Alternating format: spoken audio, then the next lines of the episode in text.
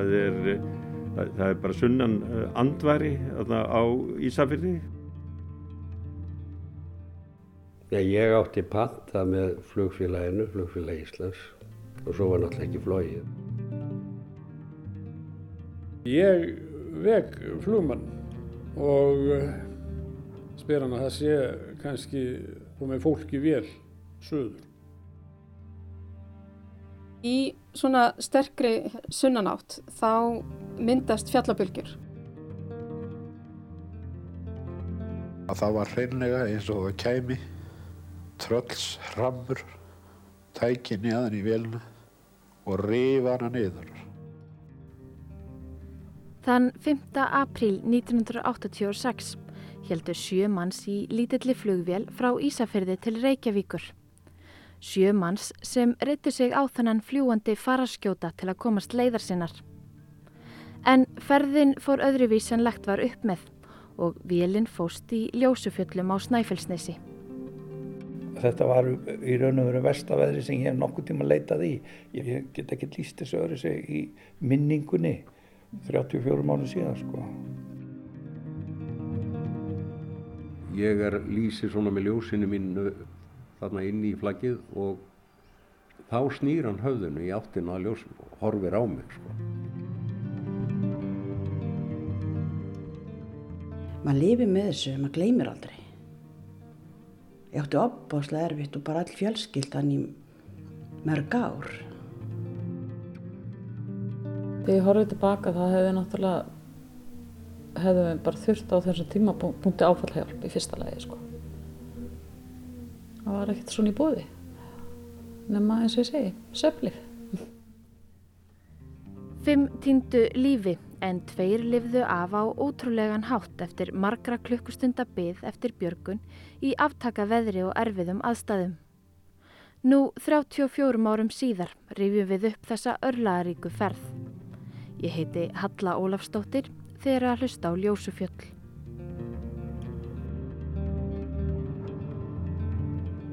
Við komum þarna í myrkri og, og mjög slæmu veðri, mikil blinda og þarna skefur mikil skafrinningur og snjókoma þarna uppi í fjallinu þá að veri rigning niður í alltafyrði og þegar við komum þarna þá er vélind aldrei brotinn, ekkert mjög illa færið þó að það er brotinn af henni hægri vangurinn og, og það er opið inn í kabinuna.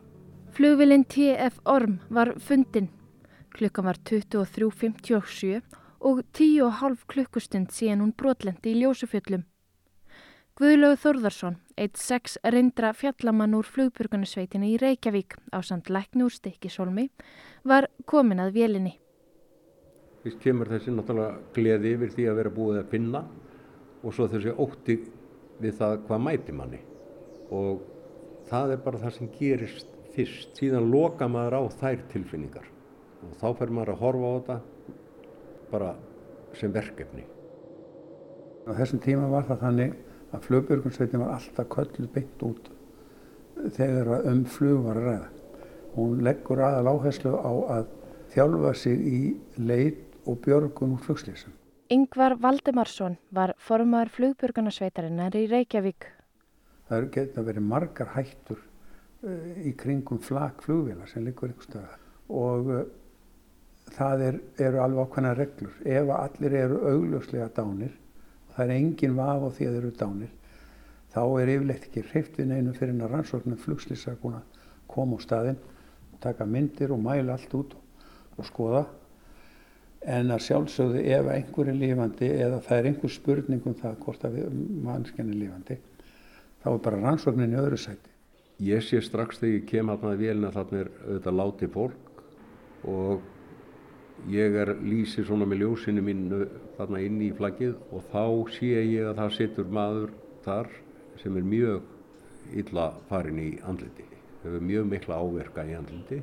Hér er Guðlugur, björgunarsveitamæður aftur hann satt þarna bara á hvítri skýrtu með upprættar ermar og nefnir á bringu í skafrenningi og skófi gegnum vélina það voru snjó skablar farnir að myndast inn í vélini hann hafði setið þarna í svona tíu tíma svona búinn og þegar ég lýsin sem sagt á hann í, í andlitið á honum þá snýr hann höfðinu í áttina að ljósum og horfir á mig sko. og þá náttúrulega var ekki að sögum að spyrja þá blossaði upp í manni adrenalínið og, og ég rutist allir í vilna og, og spurði, kallaði hann aftur í myrkri hvort það væri fleiri á, á lífi sem sagt og fekk svar aftan á vilni að þar lagi fólk á lífi en þá. Fjórir farþegar voru látnir en þrýra á lífi. Smári Ferdinandsson og Kristján Búndi frá Ármúla voru fremst í vélinni og voru báðir látnir. Fyrir aftan þá hafði Sigurður Auðunsson setið og hann var látin. Við hlið hans Kristján Jón, sjómar og Bólungavík sem var maðurinn sem leita á Guðlaug Björgunarsveitamann þegar hann komin í vélina. Aftast voru þau Pálmar og Auður og dóttir þeirra Erla Björk. Pálmar var með meðvundund, Auður illa slösuð og meðvundundalaus og Erla Björk, 11 mánada, var látin. Rannsóknin á flugslýsinu var sett í annað sætið og flugbjörgunarsveitin hóf björgunar aðgerðir á samt friðriki lækni.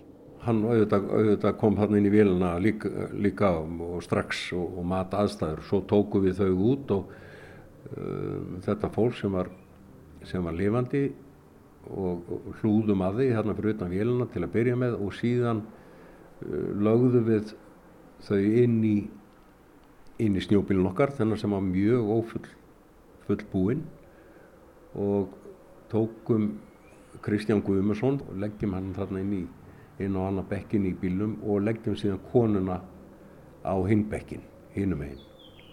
Og það er þar sem er, þeir eru með hana þar í, í fanginu í raun og veru þegar hún deyr.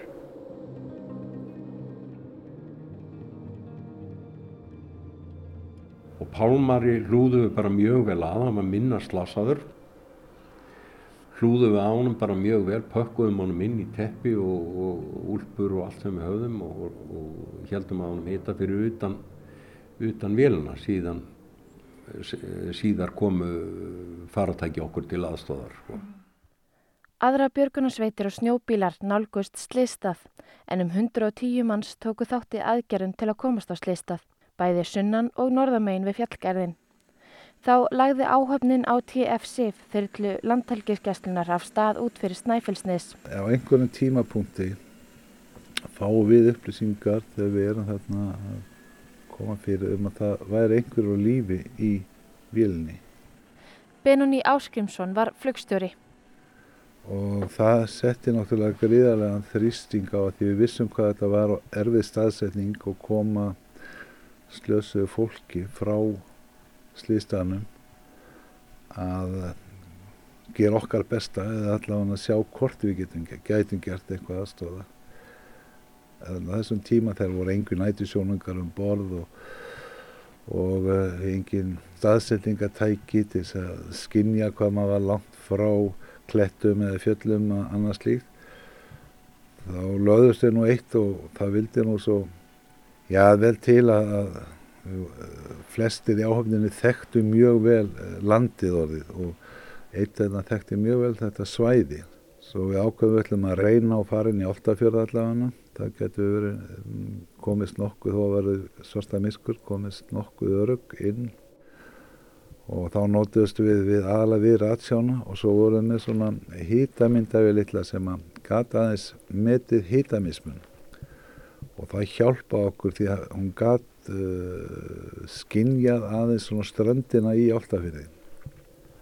Þegar við nálgustum bottina á Áltafyrði þá kemur ljós að það er aðeins ennþá sunnanátt og að vera aðeins ókist en það hjálpa okkur aðeins til þess að geta hægt á vélinni alveg niður undir að fara í hang svo kallar.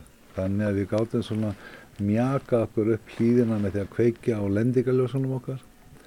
Þá gáttum við séð svona steina og kletta sem við gáttum svona farið aðeins eftir og nálgast, nálgast lístæðin.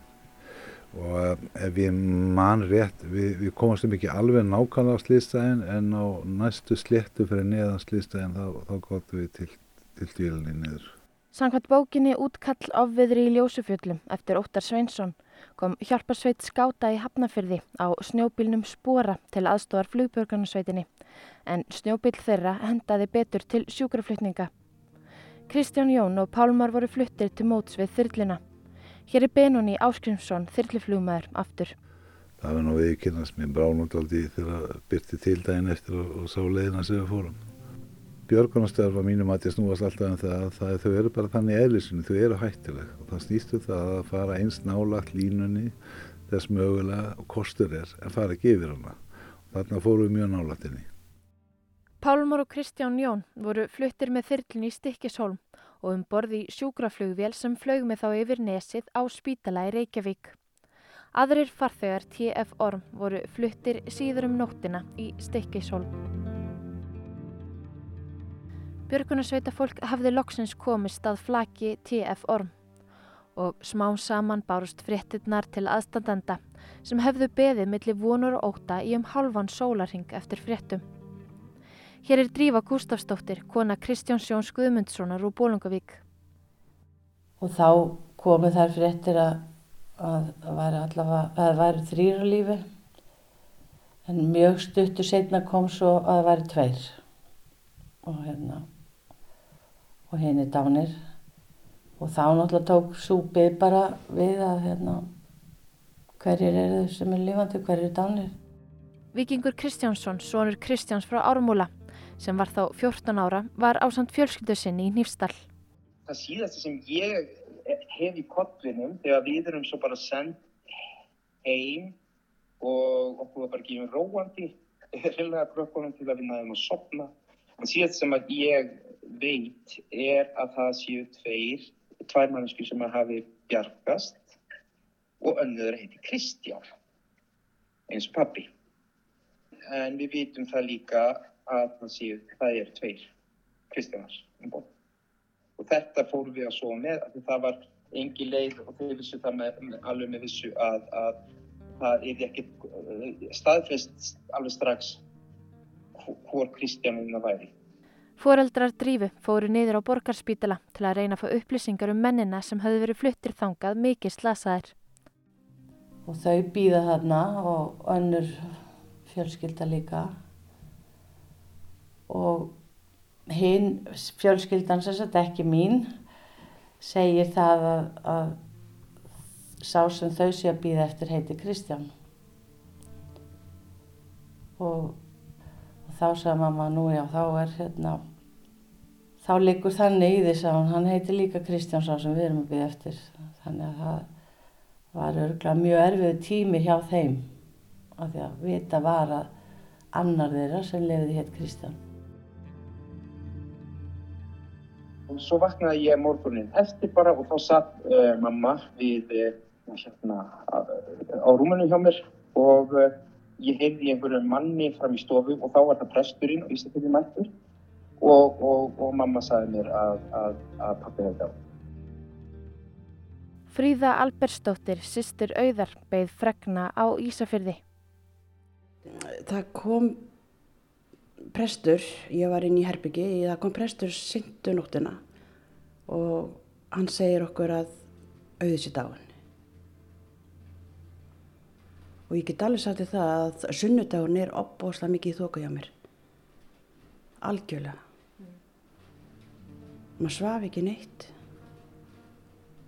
Það, það var algjörlega í þóku. Og það var á sunnudaskvöldi sem að mér var gefið sveppila að þá gæti ég sofið. Tíminn stöðumast bara, algjörlega. Hann kemur tómarum á augnabræði, hann kemur hólrum sem hann getur ekkert listfrekar. Þetta er Gríma Huld Blængstóttir, unnusta smára flugmanns sem beigð á samt fjölskyldu hans í Hafnafyrði þegar prestinn bara gardi.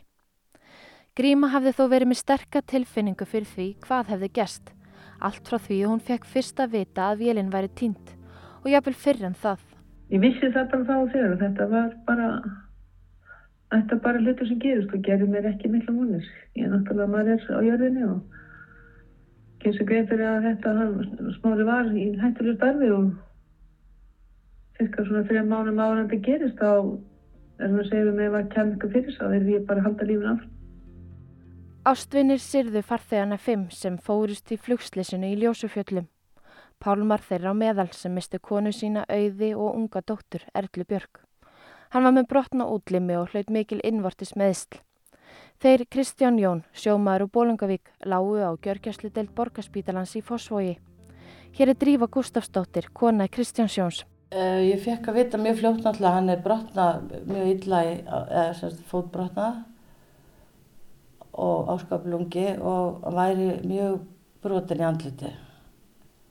En það var lítið að þetta segja almennilega hvernig það færi. Það var alltaf byð, það var mikla blæðingar og svona. Og hvað leiði langu tími þangar til að Kristján vaknaði síðan? Það, það, hún var haldið svoandi þrjá daga og svo þegar svæfingunum var aflitt þá náttúrulega bara fór hann að rumska og vissi náttúrulega ekkert hvað hann var eða hvað hvaða aðstöðu voru. En við bara sögðum honum það það tekur tíma að meðtaka svona. Og hann var bara svo rosalega hissa hann var alltaf flugrættur sko. Var bara mjög hissa að hafa að lifa það af að lendi í flugslýsi en, en fyrsta sem hann spurði hvort að hann hefði gjörgla verið einn hvort að bönnin hefði nokkuð verið með. Hann myndi ekkert eftir þessu og það var kannski aðalmáli svona fyrir mér þá sko hvort að hann hefði sjón hans vegna alltaf aðala og það var bara það var sjónaöru þannig að það var það munið öllu Þetta, það tekur náttúrulega tíma en maður er búin að vera sofandi svona, maður er reyðgar í haustum og svona. Hér er Kristján Jón. Svo sér maður finnur á sjálfur sér svona aðeins að slá í sig svona bara, já þetta, það þýtti ekkert að sofa þetta frá sér, ekkert að fara að loka augunum og sofa, þetta væri bara svona en þá verður maður að fara að velta fyrir þessu kostunum og það var náttúrulega mjög einfalt sem mér að það voru sjö í vélinni og, og við vorum tveir sem að lifði, fimm sem að dó og ég sko, manna, ég var annar þeirra hefnu og maður verður að láta það verða til einhvers. Þótt flugslis varu tíðari á nýjunda áratug síðustu aldar en þau eru nú var flugslisið í Ljósufjöllum það sjöunda mannskæðasta sem hafði hent íslensk loftför. Fljótlega hófst rannsókn á slísinu. Hér er Gríma Huld Blængsdóttir sem var unnesta smára Ferdinandssonar flugmanns.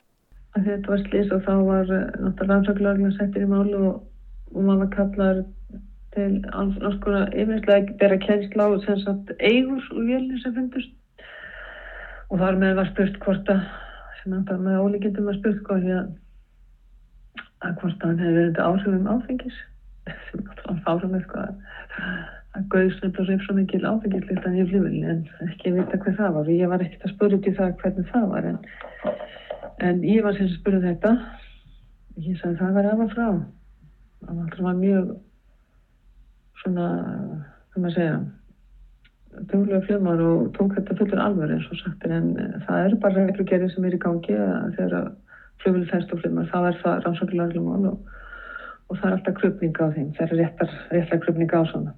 Sem er svona aðstóð sérstaklega flumari þannig ég vissi það það, það hefði anmátt svona kannski sem maður segir svona nærgetnari en það er bara þetta þegar svona var þetta Flugmaðurinn þykir jafn væntum lífsitt eins og öllum öðrum og, og þetta var náttúrulega skelvilegt slis og hafði mikil áhrif á alla aðstendendur og, og, og okkur sem lítið fjölskyldu fyrirtæki. Þetta er Hörður Guðmundsson, stopnandi flugfélagsins Erdnis á Ísafjörði við tókum virkan þátt í þessu með uh, því fólki sem er í þessu lendi og uh, við heimsóttum og fórum, ég og Jónina, kona mín, við fórum í, í heimsóttum alla aðstendendur og, og tókum þátt í öllum jarðaförum og, og allt þessu sem viðkom þessu slisi og, og hérna hafði náttúrulega djúbstæð áhrif og kannski ekki, ekki síður sko svona það, það voru alls konar umræður í gangi sem að hérna Eh, það er nú alltaf til spekingar og spekulantar sko, sem að vita allt betur en, en, en, en því miður að þá, hérna, þá verður það bara svo. Nokkrum mánuðum eftir flugslýsið í Ljósufjöllum laug flugslýsanemnd gerð skýslum slýsið. Flugslýsanemnd álektaði að þegar flugslýsi varð hafi fjallabylgjur náðast ekki sólmi og að flugmaðurinn hafi óska eftir lámarkshæð til að komast niður í hlýra loft eða að hann hafi áletið vindin minni í minni hæð. Þegar TF Orm nálgæðist Snæfellsnes fjallgarð hafði vélinn flógið inn í svo mikið niðurstreymi að klifur geta vélarinnar hafi ekki ráði við það. Álit viðstofu Íslands var að fallhraði loftsins í niðurstreyminu hafi verið 3600 til 4800 fet á mínútu en að mesta klifur geta nýrar vélar af þessari gerð hafi hins vegar aðeins verið 1450 fet á mínútu. Hallur Hallsson, fréttamaður, fjallaðum skýsluna í sjómasfréttum RÚF í februar 1987. Flugslýsanemnd kemst að þeirri megin niðurstuðu að fjórar megin ástæðu séu fyrir slýsinu í Ljósufjöllum á Snæfellsnesi. Flugmaðurinn hafi ekki kynnt sér nægilega veðurskilirði fyrir hið örlega flug. Hann hef ákveðið að lækka flug í lámasæð fyrir blindflug áður en að Snæfells fjallgarðinum kom og ekki tekið tillit til ytri aðstæðuna svo sem hins mikla niðurstreymis. Vegna kvassviðris og hæðanmælis skekju hafi flugvélinni verið flóið niður fyrir lámas blindflughæð. Vélinn hafi verið minni hæð en flugmaðurinn taldi. Þegar vélinn hafi svo lent í niðurstreyminu hafi ekki verið við neitt ráðið. Sankvant skýslinni lést flugmaðurinn af höfuð og brjóst áverkum og ekki fannst áfengi í blóðinu. Grímahöld Blængstóttir var unnista smára Ferdinandssonar flugmanns. Þetta er svo margir þættir í þessu og, og bara, þetta bara loka, var loka punktur bara þessu skýsla hans mér og ég bara, það var alveg nú fyrir mig. Mm -hmm. Hvort sem að það var eins og alltaf það, þetta það er alltaf að tala um það, það er að flugmannin kenna bara það sem skipta mér fyrir mig var það að hann, hann hefur borðið þeim sökur hafa verið búin að snerta ábyggi það var það sem skipta mér fyrir mig. Hann, ég vissi nákvæmlega hversu góð hlumann hann var. Bara þetta skipta mér mestu máli. Í þessu tilfelli eins og jafnan þegar slís verða er reynd að draga lærdóm af þeim.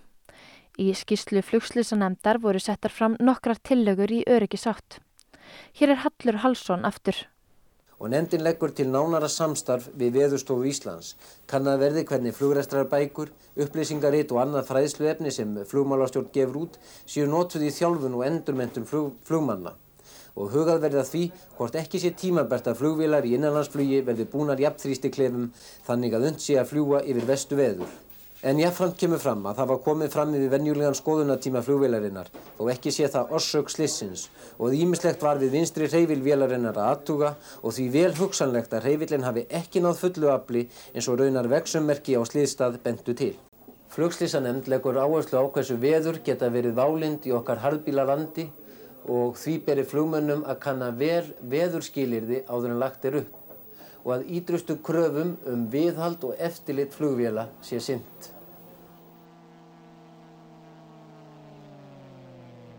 Sko það eru enga stórvægilega breyningar lengi vel eftir þetta sliðs, eh, það bara gerðust hæg, það voru hægfara. Hörður Gumundsson er stopnandi flugfélagsins Ernis. Það sem að, að held ég hafi skipt eh, mestumáli, það eru upplýsingar sem að liggja fyrir í dag um, um veður og aðstæður. Það var bara ekki, sko, menn hefði ekki hugmynd um það hvernig veðri var kannski bara í næsta fyrði, sko, hvað þá á, á einhverju lengri leið og uh, en, en í dag er þetta bara allt miklu, miklu meira opið og, og, og, og það er ástæði fyrir því að það hefur ekki farist uh, bátur í, í nokkur ár á þessu svæði en að hafa þessar upplýsingar sem fyrir liggja í dag það myndi ég segja að væri þá mesta breytingin. Benóni Áskrimsson er fyrirverandi þyrluflugmaður hjá landhelgiskesslunni. Sko það má ekki gleyma því það var ímis sem var gert eftir þetta slís, til dæmis lámashæði þar úr að hækka þar og bara eftir út af þessu slísi og menn eh, til dæmis sem er, er vélar með bullurheiflum í dag þær er ekki í þessari vinnu í, í dag sem að voru á þessum tíma og öll staðsetningatæki, allar upplýsingar fyrir flugur, eða bara allt, allt öðrum toga. Þegar flugfélagið Erdnir tók við áallunarflugi frá Reykjavík til Gjögus, Bíldudals, Hafnari Hortnafyrði og Sauðakróks árið 2007 og svo til Vestmanei og Húsavíkur, var það á vélum með jafnþrýsti búnaði sem geta flóiði við veðrið. Og við, þó að það væri ekki eh, krafa ríkisins að vera með slíkar vélar, að þá tóku við það upp sem öryggis þátti eða til þess að auka ennu öryggi flugsins. En það var komið reyndar vélæri að hafa hérna, að bera með hverfirhifla en, en, en vélar sem að voru með jafnfrýstu búna var ekki gert og er ekki ennþá gert að kröfu. Og ég tel það nú eiginlega bara svona ekki vera alveg nógu gott. Það þýrti að, að kannski að, að breyta því. En sem betur fer að þá eru þá er bæði tækjabúnaður og, og bæði tækjabúnaður hefur breyst þjálfun flugfólks hefur líka verið að breytast og nú reglugerðir hafa verið að breytast og, og, og það er allt reynd og hefur alla tíð alveg frá bara upphæfi flugsins verið allt gert til þessar en að gera þessar samgöngu þátt jafn örugan og, og bara hægt er og mögulegt er. Og, það hefur sannað sig og sínt að þetta er þrátt fyrir allt einn örugasti ferðamáti sem til er. Og en í dag aftur á móti sko, það, það vantar tölubert mikið upp á að, að bílaumferð komist í eitthvað nálagt öryggi flugsins sko, það, það, það er svo mikið hafa á milli, sko, það er hímin á hafa á milli en, en þau slið sem hafa orðið á, í djúbvinu og í djúbveginum, bara leiðinni milli Ísafjörður Reykjavíkur á þeim árum sem að þarna er, er um liðin að, að ég held að hérna, ef að það væri eitthvað kom, ef að, ef að slík slis væri að gerast í flugi í dag, það væri bara búið að banna flug. Ljóst er að margt hefur breyst í umgjörð flugsins, en það hefur líka mikið breyst hjá björgunafólki á þessum 34 árum sem eru liðin frá flugslesinu í Ljósufjöllum. Hér er Guðlaugur Þórðarsson úr flugbjörgunarsveitinni í Reykjavík sem tók þátt í leit og björgun farþega TF Orm. Það er nú fyrst og fremst þessi tækjabómaður og þessi staðsendingatæki sem nú eru komin. Þessi GPS staðsendingatæki, þau skipta það, sköpum. Það er, þar er stæðsta byltingin. Farsímar, útkallstæki, samskiptatæknin er með allt öðrum hætti heldur en var. Í svona aðgerðum eins og þarna þá heyrðum við í raun og er ekkert í stjórnstöð. Veist, við erum bara að taka ákvarðanir sjálfur. Oftast nær var þetta þannig. Það var sett upp einhver stjórnstöð hér í Reykjavík sem við heyrðum kannski aldrei í allan tíman. Nú er þetta, nú er bara ringt í því. En það sem að er, mér finnst það að skipt sköpum í auðvitað, leit og björgun á Íslandi í dag er það að það heyrir eiginlega til undantekningar að það sé leit af fólki sem slíkt. Allir eru einhvern veginn hómaðir sem kallaðir. Mm. Það, er, það er vitað hvað hann er um staðsynningunar. Þá er annarkort farsými búin að búið með út farsíma, viðkomandi hefur getað hringt og látið vita hvað hann er í vandræðum. Þetta, hef, þetta er mesta breytingin í þessu. Það er sér fjarskiptatæki, tækni og eins uh, tæki til staðisningar.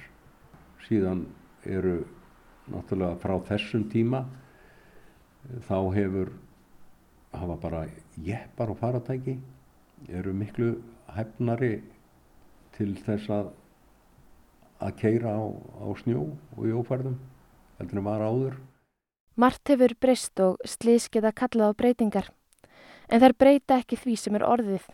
Gunnar Allarsson tók þátt í leitinni að TF Orm á samt félögum sínum í björgunarsveitinni Berserkjum í Stikkishólmi.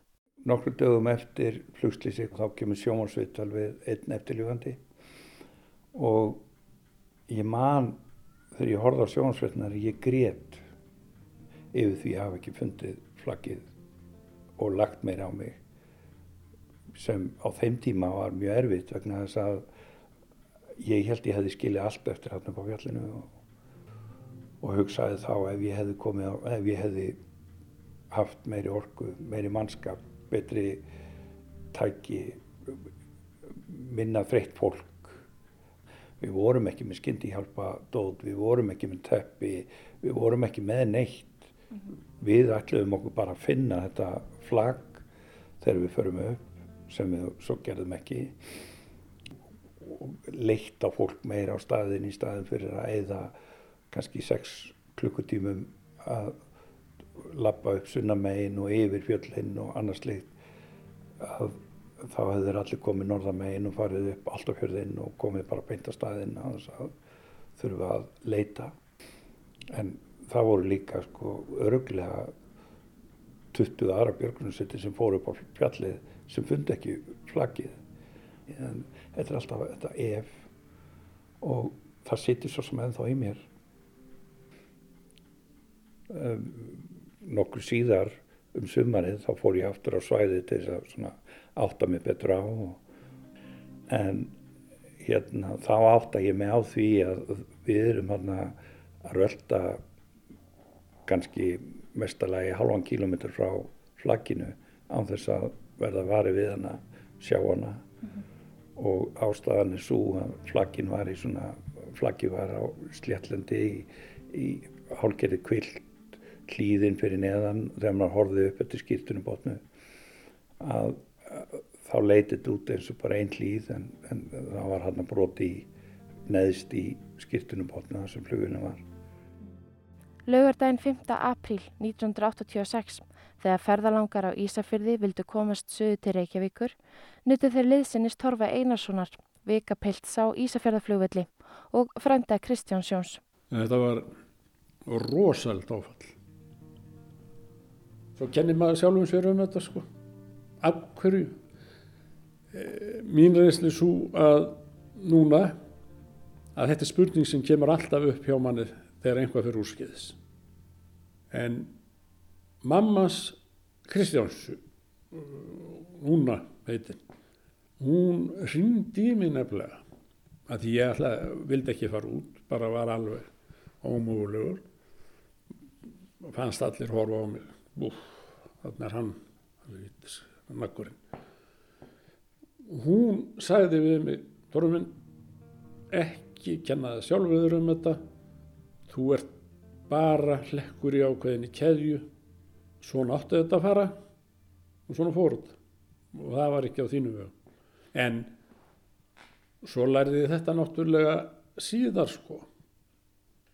Það er alveg saman hvað það er. Þú, þú hugsaður einhvað í dag að það sé alveg rétt að gera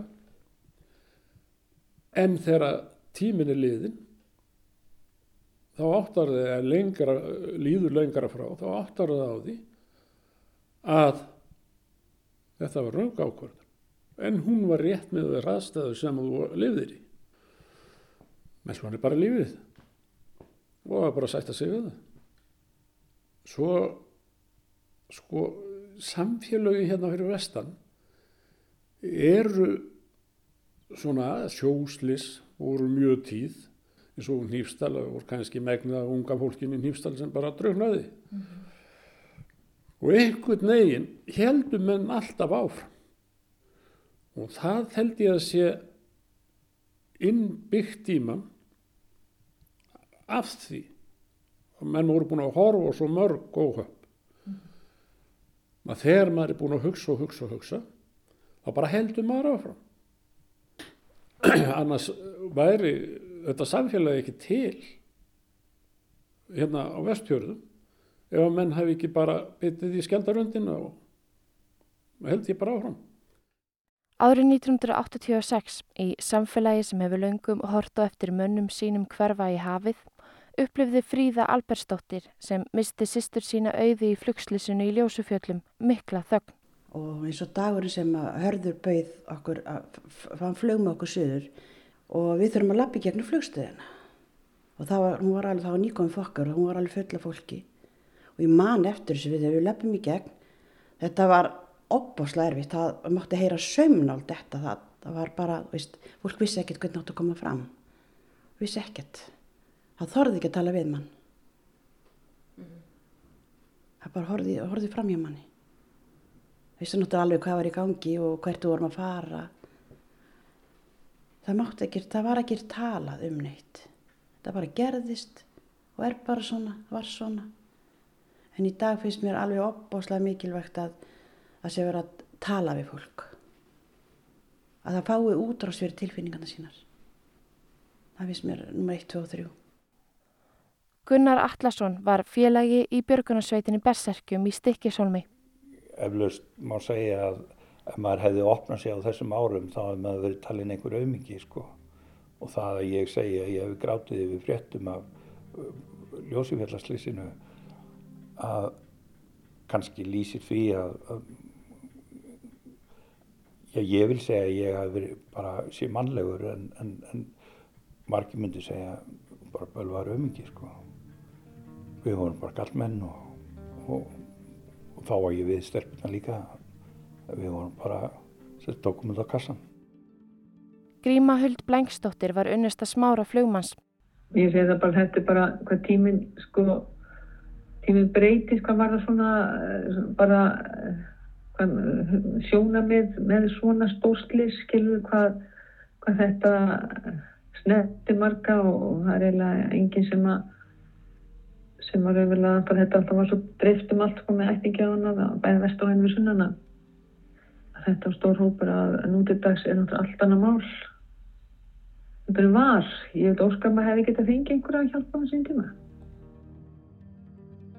Ég meina á þessum tíma það bara eh, eitthvað áfall að hjálp og eitthvað, þetta var náttúrulega bara, þetta var bara ekki til.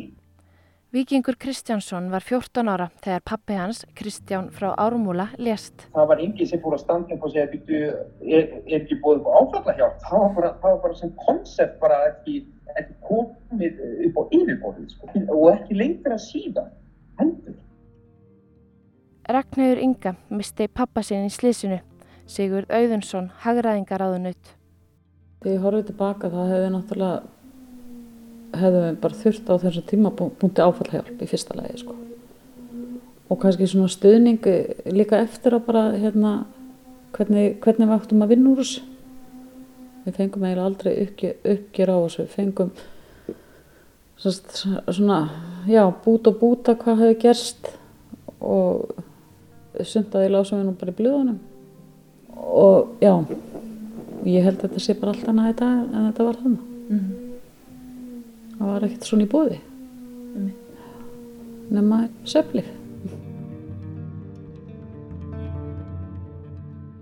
Fimm létust þegar flugvilinn TF Orm fóst í Ljósufjöllum á Snæfellsnesi. En tveir lifðu af eftir að hafa beðið í tíu og halva klukkustund eftir Björgun, Pálmar Smári Gunnarsson og Kristján Jón Guðmundsson. Pálmar giftist aftur og býr í Reykjavík og Kristján Jón og Drífa fluttu aftur í Bólungavík eftir slissið 1986. Framundan var langur bataferill Kristjáns. Já, mesti tíminn fór nú í, það var nú lagað andliti svona og hengt upp svona og svona výrað allt saman og gómatnir og tennurnar settar í og og svoleiðis svo var það löppin að hún var illa brotin að klófin og gekk erfilega að koma því heim og saman. Ég var svona meir og minn á hækjum til 89-90. En svona, já, eftir að hækja þá svona hefði náttúrulega verið lang skynsalegast að maður er ekki, er svo sjaldan skynsamur að taka bara fótinn af strax sko. En maður vill nú reyna, reyna nú lengi að halda sér í heilu lægir. Svona þannig að en skynnsemin hefði verið hitt sannilega, meiri skynnsemin til lengri tíma. En hann var síðan tekin af? Já, hann var tekin á 2013 Manst eftir því þegar þú leist fyrst í speil? Já, já, ég man eftir því. Og vel eftir því komið fannst mér opbóslega ljútur en þetta venst hann er náttúrulega búin að venja sínu handliti 29 ár í speiklinu og að það er kannski ekkert mikla breytingar sem maður finnist maður að vera allt öðruvísi. Um, áður var ég frammentur og svo var ég komið skúfu eða bara komuðu. Það var reynd að draga þetta aðeins fram. Það svona breytist. Mm. Maður sá náttúrulega þess að yngre dóttir sem vildi ekki sýta hjá mig fyrst svona, þetta vennjast þessu svona. En það er greið, þetta vennst allt þetta kemur. Það er orðin vanari, andlitur heldur en ég. Nú þetta búið að vera andlitið lengur heldur en, það var áður en slísið var? Já, já. en samt einhvern veginn á venst maður þessu nú aldrei alveg maður svona þannig finnst maður alltaf hálf ljótur en það er svona það er ekkert í því að gera En hann náði einhvern veginn að stilla bara á null, nú bara nýtt upphaf og leiðin, hún liggur bara upp á við. Og þannig hefur það alltaf verið sko. Ég hafði allir þegið það að sleppa lifandi og ég var sá sem að gerði það og náttúrulega það væri misverðing við við þá sem að létust þarna og fengu ekki þetta tækifæri sem ég fekk og þannig ef ég hefði verið eitthvað óvanað við það, það er bara, verður bara að gera það besta úr því sem það hefur, það, það er bara, það er eina sem maður getur gert og halda áfram, það, það er bara ein leið, meðan maður er lifandi þá bara verður maður að halda áfram.